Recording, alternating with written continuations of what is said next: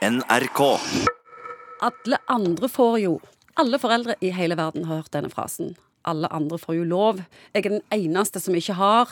Og psykolog Egon Hagen, du har også hørt den? Det har jeg hørt mange ganger, og dette er jo et kjempestort tema. Men det jeg har lyst til å si innledningsvis, er at det er nå engang sånn at det er de voksne som skal bestemme.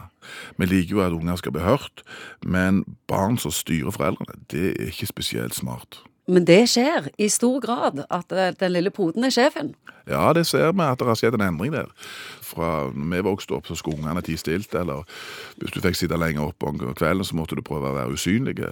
Men nå er det jo ikke sånn. Nå er jo unger på en helt annen måte involvert eh, på en måte i voksenverden, på godt og vondt. Men nå er det foreldrene jeg er opptatt av på den måten at foreldre utøver press i forhold til hverandre.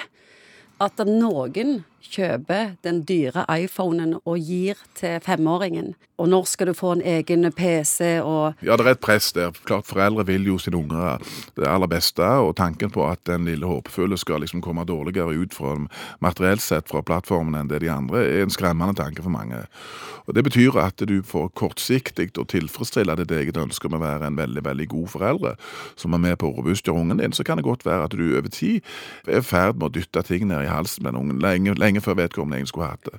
Hvilke spørsmål må foreldre stille seg sjøl her? Ja, men Alle er jo under press, og det er mange former for press. Men klart at det, Hvis du bare liksom legger deg flat og sier at ok, jeg skal tilpasse meg den kompakte majoritet, jeg, stå, jeg står ikke for noe sjøl, og bare du ikke står for noe og ikke tør å, liksom, å, å markere noe, så blir det bare en del egentlig av, av et sånt kulturelt eller materielt tankegods som er styrt av andre. Ungene kan gå på ishockey, men de trenger ikke ha nytt ishockeyutstyr.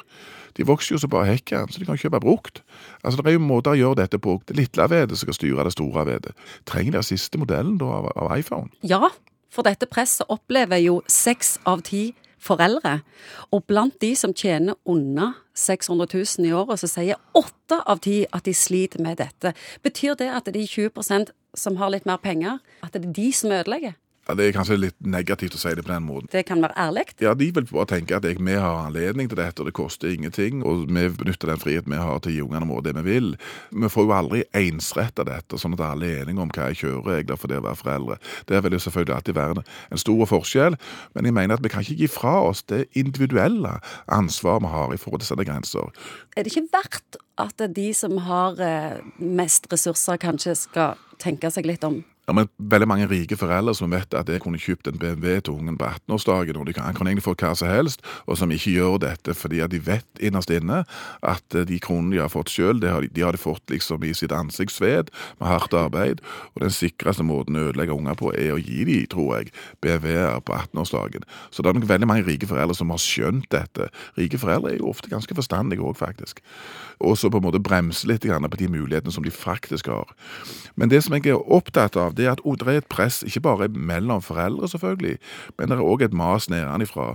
Og unger har ikke de kognitive eller emosjonelle forutsetningene som de voksne har. Og det er en grunn for at vi er foreldre som fordømt lenge.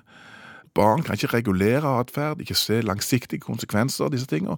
Og derfor må faktisk foreldre være der for å modellere og dempe noen av disse spinnvidle forventningene som kan komme fra ungene. Det er derfor du er foreldre. Det er derfor det tar så grævlig lang tid.